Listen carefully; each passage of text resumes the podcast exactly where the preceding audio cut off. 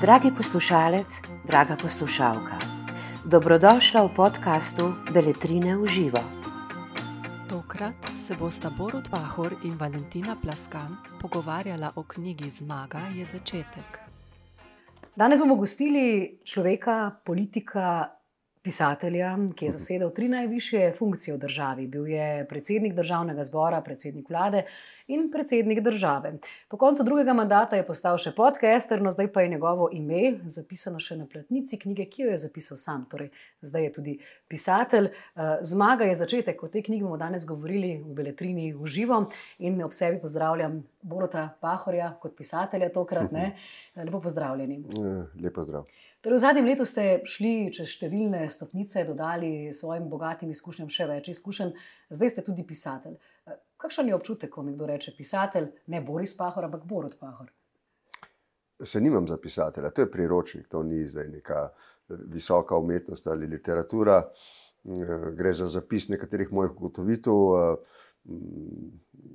spoznanj ki bi mogoče tistemu, ki bere in ga zanimajo poklicne, karierne poti, pa tudi neke življenjske osode, lahko prav prišla. Zdaj, imeli ste že nekaj eh, predstavitev, tudi videla sem na fakulteti za družbene vede. Kaj pravijo mladi? Pravite, da je predvsem usmerjeno tudi, da je namenjeno njim, ne, to, kar pišete. Ja, eh, na nek način je zamisel za knjigo nastala po prijaznem povabilu, seveda založbe Beletrina, da napišem življenjepis, pa sem nekako se temu odrekel.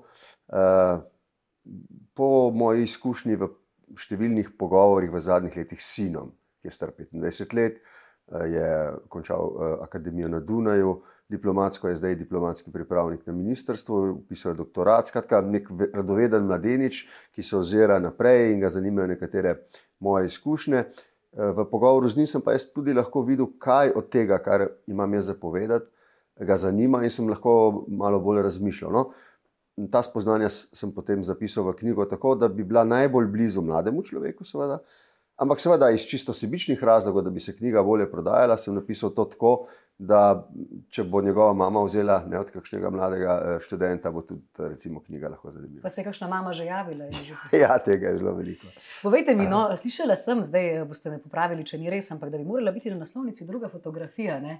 Eh, je tudi ta prišla zaradi mam ali zaradi? Ne, ne. E, to je taka simpatična zgodbica, kako je knjiga nastajala. Nastala je seveda zelo hitro, pol leta je malo za tak priročnik, če bi se drugače lotil iste teme, bi mogoče to potreboval dvakrat, trikrat toliko.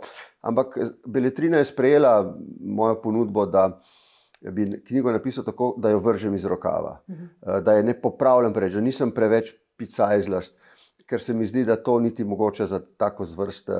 Knjige ni potrebno. Seveda, tvegate nekaj morda ja-, jasnosti, ampak dobite pa eno lahkotnost v teku. Ne? To je značilno tudi za govore, ki jih pišete. Če govor stresete z rokava, bo praviloma dober govor. Če se zelo trudite pri govoru, praviloma ne bo dober govor. In velja se mi zdi podobno za to vrsto uh, žanra. Te ja, ponovitve, ne? večkrat ponoviš. No, Najprej tisto, kar je prvo, kar je impuls. Se mi zdi, da je res. No, vi, imate, ja, vi imate s tem največ uh, izkušenj. Ne? Zagotovo opažam to, da kadar nekaj večkrat ponoviš, pa, mi, pa že anticipiraš z mislimi, si tisti kreativni, ne, uh, bom rekla, poriv, ki pride iz tebe, malce ga oklestiš in mu dopustiš, da pride na, na vzven na plano, pa vendar, ne, tudi tukaj ste spet začetnik. Ampak samo da ja, vprašam, vi ste tudi prebrali knjigo, ne? Tako, sem, ok, malo preleteli. A, recimo za, za sebe bi najdli kakšen kakšno spoznanje ali ugotovitev, ki vam recimo prav pride, ali pa prav tako, ki mu nasprotujete z vašimi izkušnjami. Da bi prav kaj rekla, da nasprotujem, tudi všeč mi je tisto o tremi, ne? ker tudi sama gledam podobno mm. na to, da je trema ponavadi, vi niste tega tako zapisali, ampak v osnovi govorite zelo podobno, je strah pred nekim velikim drugim. Ne? Vse ukvarjam z vsemi stvarmi, ki niso mene, ko si pri vsebini. Ko si z različnimi vajami, s katerimi lahko tudi prideš, pa jih bolj ali manj nekako čutim, da ste jih mhm. dali skozi ne, med vrsticami, vseeno je trema neka stvar, ki uh, Eh, se mi zdi, da eh, ljudi hromi, ker se ukvarjajo s tem, kaj mhm. si bo nekdo mislil, nekdo, ki jim veliko pomeni. Ja. To se me je zelo dotaknilo, ker mhm. to je verjetno tudi, če pogledamo zdaj na vašo pot. Ne, Skozi kaj vse ste šli, pa ko so vam že praktično govorili, uh -huh. da ste politično mrtvi, september 2011, ne, uh -huh. bili ste uh, nekako tudi takrat dali vse na sebe, kar danes, bom rekla, ni značilno za veliko politikov, ki bi rekli: Jaz sem kriv, da je situacija taka, vi ste pa kar malo preveč in so omenili to še učitelji. Ja, ja. Če tukaj se mogoče dotaknemo, če se vrnemo do tega obdobja, ki jo opisujete tudi v knjigi, Um, kaj je tisto, ne, kar bi mogoče ravno iz tistih izkušenj, ki ste jih takrat imeli, pa šli Mhm. v bistvu sprejeli poraz, kar je Mhm. težko? Uh, kaj bi svetovali mogoče komu, ki danes Mhm. vozi tole ladjo uh, demokracije v Sloveniji? Danes je vendarle lažji čas, kot je bil takrat. Takrat je bil zelo poseben čas. Mi smo imeli dva taka posebna časa po osamosvojitvi, po ustanovitvi lastne države. Eno je bil čas finančne krize, in drugo je bil čas COVID-a. Čas COVID-a je bil z vidika vodenja države v krizi lažji, ker so ljudje razumeli, da COVID je bil stvar narave. Eh, Finančna kriza je bila pa stvar pohlepa.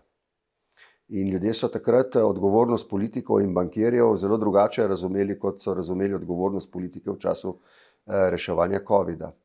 Eh, Kaj bi danes svetoval v času, ko ni krize, ko ni potrebno biti eh, tako tankočuten, kakšenkrat, eh, kot je treba biti v času krize? Najprej, eh, in to je napaka, ki sem jo priznal v knjigi, da sem potem, ko sem rešil z osredotočenostjo glavni problem, to je zapletene in krizne odnose s Hrvaško, sem se podal eh, v reforme na celi fronti. Jaz mislim, da je bila to velika napaka, če bi ravnal drugače, bi lahko bil tudi izplen eh, vladnega eh, dela drugačen. Eh, Morda bi se bilo takrat dobro pripraviti na eno, največ dve reformi. Mi smo pa šli od zdravstvene do pokojninske, trga dela, praktično celo fronto. In ko odprete celo fronto sprememb, jih pravzaprav, ne, to moram danes ugotoviti, javnost res ne more eh, poosebiti. ne. To je bila taka strateška napaka, ki sem jo plačal potem z padcem treh eh, reform na, na referendumu. Pa bi rekli, da so ljudje, pa novinari, seveda, smo do vas bolj prizanesljivi, odkar niste več na nobeni od funkcij. Ne vemo, da tudi med COVID-om, čeprav je bilo obdobje bolj mirno in manj, smo nekako rekli, narava je, smo, ste tudi vi dobivali očitke, češ podpirate mm. napačen režim, to mm. je Mm. fašizem in tako naprej. Mm. Uh, vi ste pa delovali, če jaz prav razumem, v vaši maniri, kot tudi sami pravite, spravljivo. Ne? Uh, Glede, uh, danes se že pozablja, da je bil po mojem velik del razlogov za nezadovoljstvo s prejšnjo vlado COVID in ne samo ukrepanje vlade v njem. Seveda se je tako razumelo pri ljudeh, ampak brez COVID-a bi verjetno tista vlada imela čisto drugo izkušnjo in mi z njo. Danes se to pozablja in se zdi, kot da je pravzaprav vlada zapirala ljudi, eh, brez potrebe ne, ukazovala nošenje mask, brez potrebe omejevala gibanje. To so počele vse vlade. Vse bila države. vojska ulicah, Absolutno. ne, spomnim Uh, pri nas so ljudi zaplinjali, v, v drugih državah so pa umirjali uh, uh, protestnike. Ne. Hočem reči, da je tukaj uh, se jaz temu stampedu na vlado nisem želel pridružiti. To, nisem razumel, da je to moja naloga, predsednika republike. Ampak sem poskušal z vlado sodelovati, ne da bi se vedno z njo strinjal in sem tudi jasno povedal, Mhm. kdaj se ne. Ampak uh, razumel sem, da je poseben čas, da je krizen čas, da moramo držati skupaj. In nisem se hotel pri, pridružiti, kot rečeno, temu stampedu, da mora vlada pa za vsako ceno, ker so nekateri navajeni, da skozi na oblasti. Ja, mogoče em, tukaj še tisto vprašanje, ki je bilo predtem. So zdaj bi rekli do vas, ko ste pisatelj, recimo, pa podcaster, em, pa seveda širše delujete v, Ljudje? v razmisleku. Ljudje, Ljudje so zelo, ljudje so zelo prijazni. Mm. Uh, tako se mi zdi, kot da uh, če je bilo kdaj kaj hudo, ne zlasti takrat, res v času krize, da se je zdaj vse povrnilo. Res eh, imam ogromno vabil, rad se udeležujem pri ditu, dobro sem sprejet. In seveda nekomu, ki je že star, ne, kot sem jaz, seveda, kako bi rekel, mu je lepo, ne, da ga vabijo tudi mladi ljudje, ker ponavadi mladi ljudje so zelo izbirčni, ne, glede gostov in če te povabijo in če me- meniš, da imaš kaj povedati, je to zelo dober občutek in tak občutek zadoščenja, da imaš neke izkušnje, ki jih zanimajo. Ne, in tega je res zelo veliko. Ne. Si zanimiv, torej, na nek način tudi mladim, kar kaže potem. eh, Vaš knjižni prvenec ne, je že po sami obliki tudi tako mladostno, nekonvencional, nekonvencionalen, kazalo je na zadnji strani. Nekateri naslovi, kot eh, ste že omenili, eh, tudi mogoče malce ličijo na Mm. kakšne vaše zapise pod Instagramom, recimo, da nimo ljubezen, ne sovraštvo, zmagovalci in prvaki. Ste se vi zavestno sami odločili za to obliko? Kaj, kaj je potrebno? Ja, ja, knjiga tako in drugače je moj izdelek. Uh, si pa se moramo še k nas, naslovnici vrniti, ker ste me prej vprašali. Aha, ja, ja bova, bova Tako prišla do lahko tega, še- ampak uh, je, eh, knjiga je moj izdelek. Jaz sem se uh, Urbanu in Branki, seveda obema urednikoma prepustil in sem upošteval nekatere njihove pripombe, ne vseh, ampak sta bila sjajna in sta sjajno opravila delo. Obema sem zelo hvaležen. Do zdaj nisem z nikomer sodeloval pri, pri takem projektu in ona dva sta se izkazala kot sjajna sodelavca. Uh, knjiga je nastala tako, kot sem si jo zamislil in vedel sem, da je to tudi, seveda, ne samo knjiga, ampak tudi PR produkt. In če kaj znam delati, se mi zdi, da znam delati to. In nisem bežal od uh, teh znanj. Uh, tako je tudi nastala naslovnica, ko so jo naredili. Uh, so v Beletrini, pa tudi pri fotografskem studiu nekako ustrajali, da to ni življenjepis, da eh, ne sme ne biti eh, ta portret tako izrazit, da mora biti nek drug, eh, neka druga postavitev naslovnice. In ko je bilo to narejeno, sem rekel, vse ni bed, ni, ni slabo, ampak ni to to. Uh mhm. -huh. In potem me je še zadnjič Branka poklicala, da je zdaj tukaj pripravljena za tisk. To je bila tista fotografija, ko tečete in držujete. Ne, ne, ne. ne, ne. A, če je bila tista, je bilo kar v redu. Ampak ena v studiu narejena po njihovi predstavi, kako bi moral biti eh, jaz na naslovnici priročnika. Ne? In meni se, se je zdelo v redu, ampak nisem bil pa srečen. Zdaj se mi je, da mislim, izkušnje iz PR-a mi govorijo, da naslovnica je naslovnica. Kaman, mislim, ni to zdaj zadnja stran. Ne? Pa še zadnja stran se hoče imeti točno tako, kot je. Ne? So what? So what? In uh, diarejo. No, yeah. in ja. me pokliče Branka, pravi, vse je postavljeno, je to to. In pridem jaz, pogledam, rečem, dobro, v redu je in grem. Ampak potem pridem na fotografiranje k drugemu, k Miranu. In ta prvič, ko naredi posnetek, je bila ta fotka. Uh -huh. To je prvi, prvi. To je prvi. In ga prvi, takoj. In pravi, to je to. In sem rekel, tako je treba to poslati Branki, in če je možno, bomo to zamenjali. In Branka je rekla, da to ni možno. Pa sem poklical uh, direktorja založbe. Se rekel, da bi šlo to. Ne, ni možno. Se rekel, pa sem pa žalosten. Ni možno, ampak sem žalosten. In potem so si premislili, in je ta uh, fotka na, pristala na slovnici. James, James Bond. Ja, in, in sinu sem pokazal obe. Sem rekel, poslušaj, imam dve, nisem mu povedal, kaj, kaj se je zgodilo. Rekel, ne, stari, sam ne uneno. A si izbral to, sem rekel, ja, vse je v redu. Pa. Mogoče, če uh, bi rekli, da je tudi knjiga sama neke vrste, rekli ste, že omenili sami ta PR in tako naprej. Uh, s tem ste veliko krat razburili tudi na svojem Instagramu. Je tudi knjiga na nek način sama provokacija, da preberem malček, tole, kar malček, ste zapisali.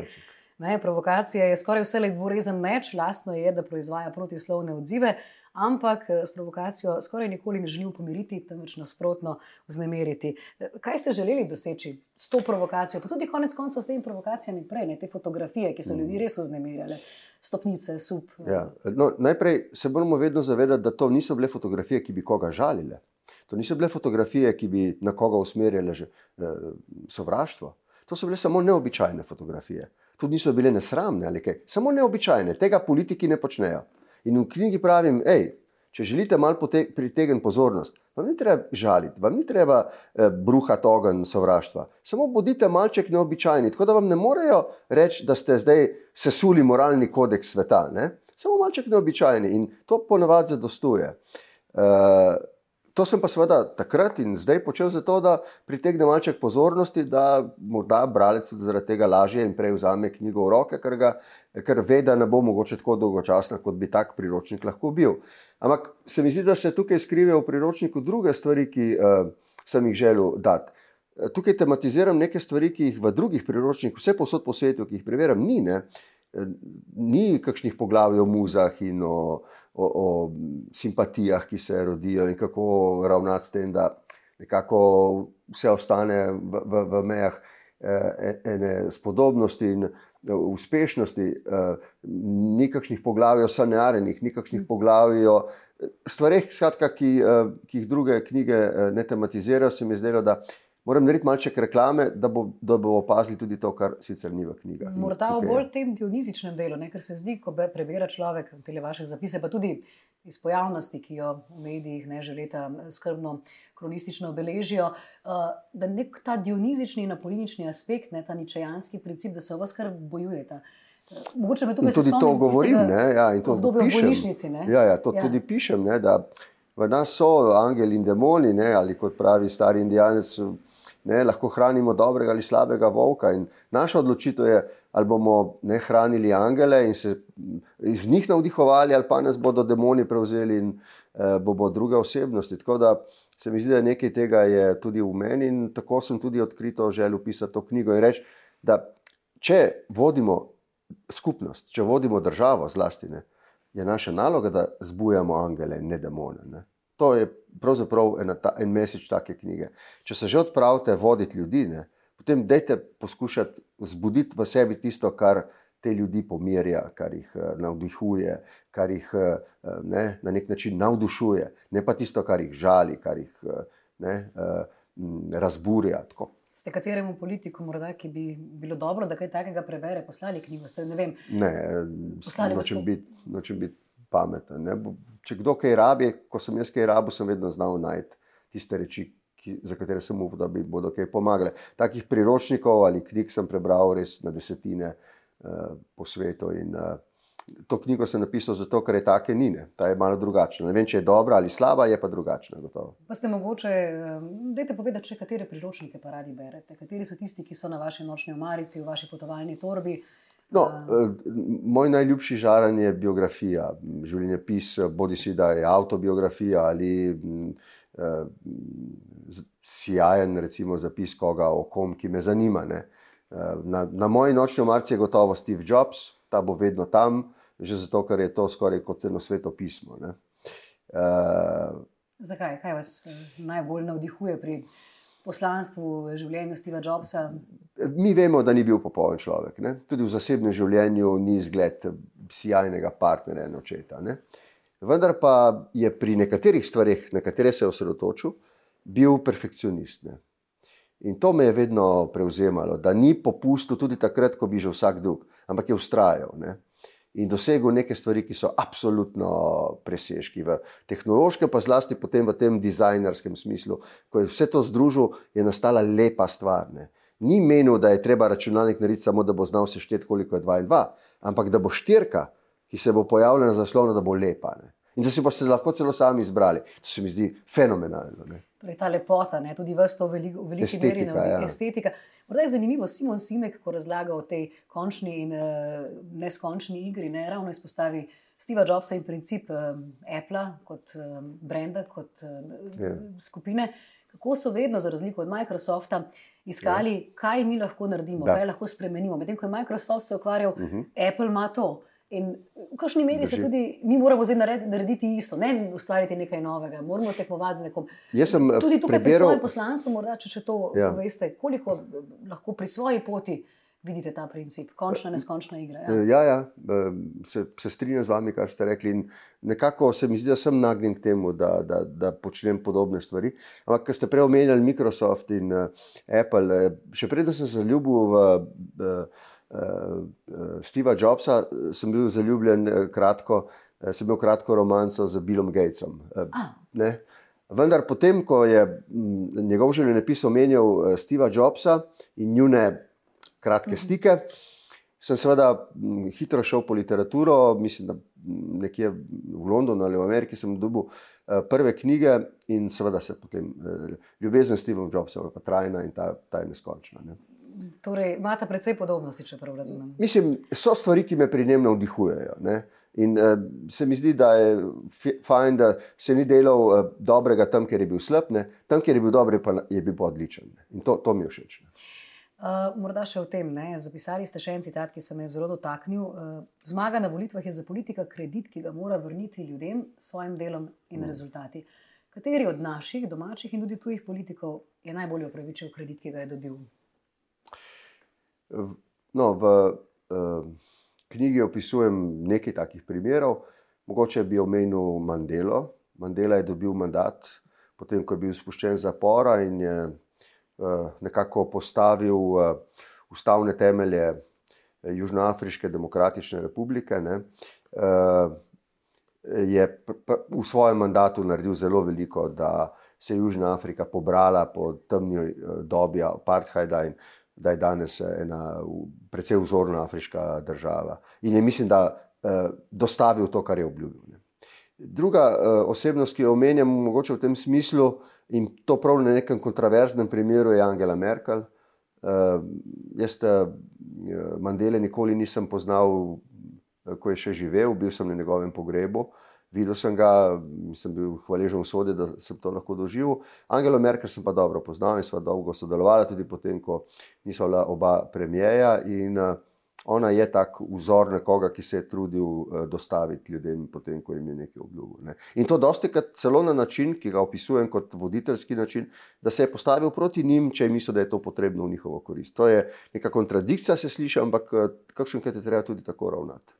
Pa imate občutek, da je marsikdo vam je ravno v tem vašem mandatu, predsedniškem, očitno, da ste preveč spravljivi, mm. da premalo upozarjate. Ne, in zdaj ta sprava, če rečemo, je kar zaznamovala ne samo vaš Absolutno. predsedniški mandat, že takrat ne, ste sprejeli tisto deklaracijo, ko ste mhm. bili predsednik vlade.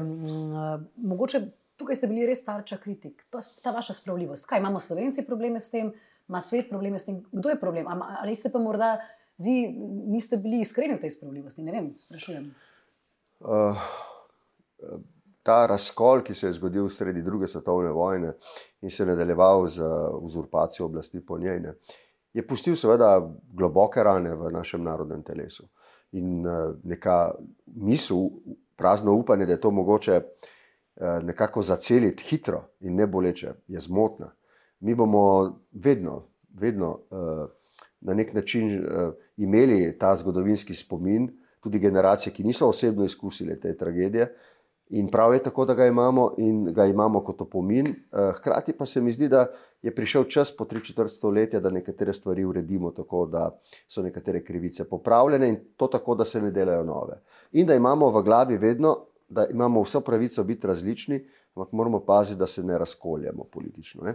In se mi zdi, da se dogaja, ne? vidimo, da vsakič huje. Kaj, so, so, ra, so razhajanja, ampak mislim, da nekega razkola, kot je, je ki, povzročil, eh, ki so ga povzročila politična razhajanja pred začetkom druge svetovne vojne, danes ni. In ne smemo biti, eh, ko bi rekel, površni in misliti, da je danes vse tako črno, da če bi jutri prišlo do nekih dramatičnih okoliščin za slovenski narod, da bi se razklal. Možnost je seveda. Mm. Ta možnost se bo povečala, če med sabo ne bomo vodili dialoga, če ne bomo sodelovali.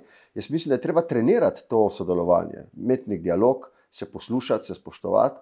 Če in kolikor pa vidimo tudi danes, ne, recimo, recimo v tem mandatu, ne, da so neka izključevanja, ne, nas mora to skrbeti in moramo malček eh, dvigati glas v tem smislu. Oprostite, to je lahko za koga moteče, za koga boleče. Pozor, to so resna vprašanja, ki zadevajo konsens naše družbe. Vse to je morda zanimivo, ne, ker uh, na nek način. Če smo pričakovali, kaj smo pričakovali, neke vrste spravljivost, to se je napovedovalo, zdaj pa v dejanjih pa tega ni. Mislite, zdaj v tem obdobju? Tako mislim v tem obdobju.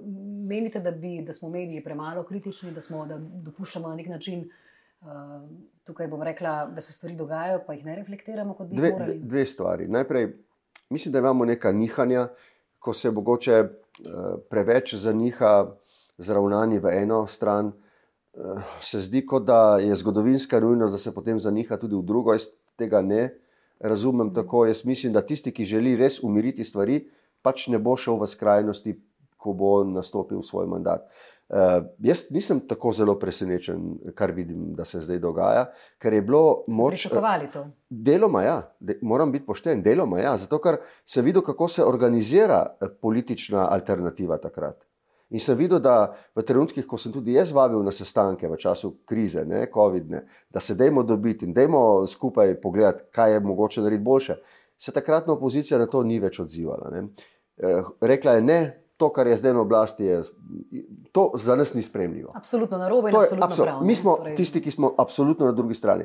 In tako kot se seveda konstituira opozicija, ne, tako potem tudi vlada. In zato jaz nisem zelo presenečen eh, to, eh, k temu, kar vidim. In ta neka revanšizem, maščevalnost ne, je rezultat vzpostavitve kot alternative prejšnji oblasti. In Mi je žal, da je tako, ker za to res ni potrebe. In ljudje niso zadovoljni zdaj s tem, se mi zdi. Večina ljudi ni. Vidimo javno mnenjske raziskave. Mislim, da ja. so pričakovali, da če je bil prej kdo kritičen do recimo oblasti predsednika Janša, bo zdaj pač ravnal drugače.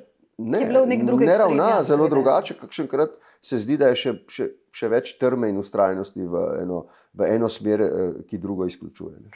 Ja, v 21. stoletju, ko mladi ljudje se sprašujemo, zakaj ljudje iščejo komuniste in fašiste, in tako naprej, je to res uh, neugodno. Morda bi vseeno, vseeno na lepši noti zaključila tole spravljivost. Ta uh, znameniti stisk roke uh, z italijanskim predsednikom Mattarello pred spomenikom Vazoviškim junakom.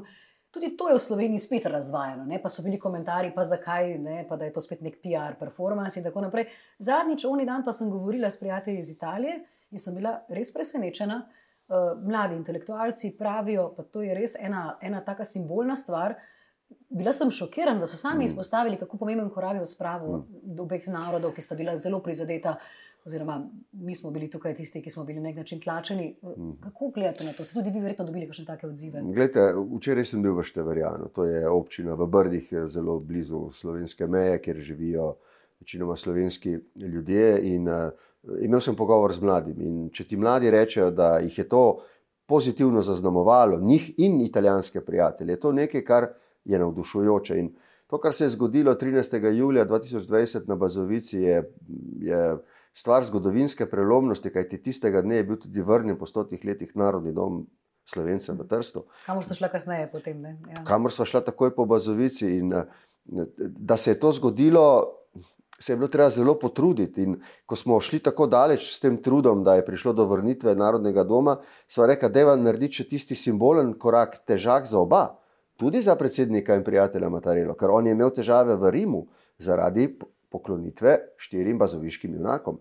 Štiri bazoviški junaki so še vedno formalno tretirani kot uh, teroristi. Formalno. Uh, seveda pa sem bil jaz doma deležen hudih napadov, ker sem se šel pokloniti uh, simbolu uh, FOIP, se pravi žrtvam po, po vojni na italijanski strani.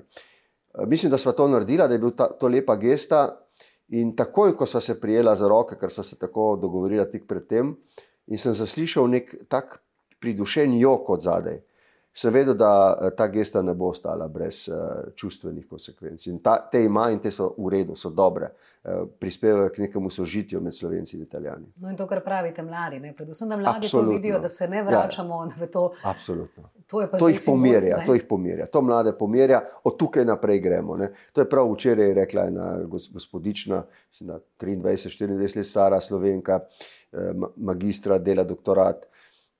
Ne, uh, od tam gremo naprej, od tam gledamo zdaj recimo projekt uh, skupne prestolnice, ne, Gorice Nove Gorice, ne, prihodnje leto, to bo zdaj nekaj novega, nekaj lepega, nekaj, uh, kar povezuje, združuje. To se mi zdi, da je, da je tista prava atmosfera uh, v evropskem duhu.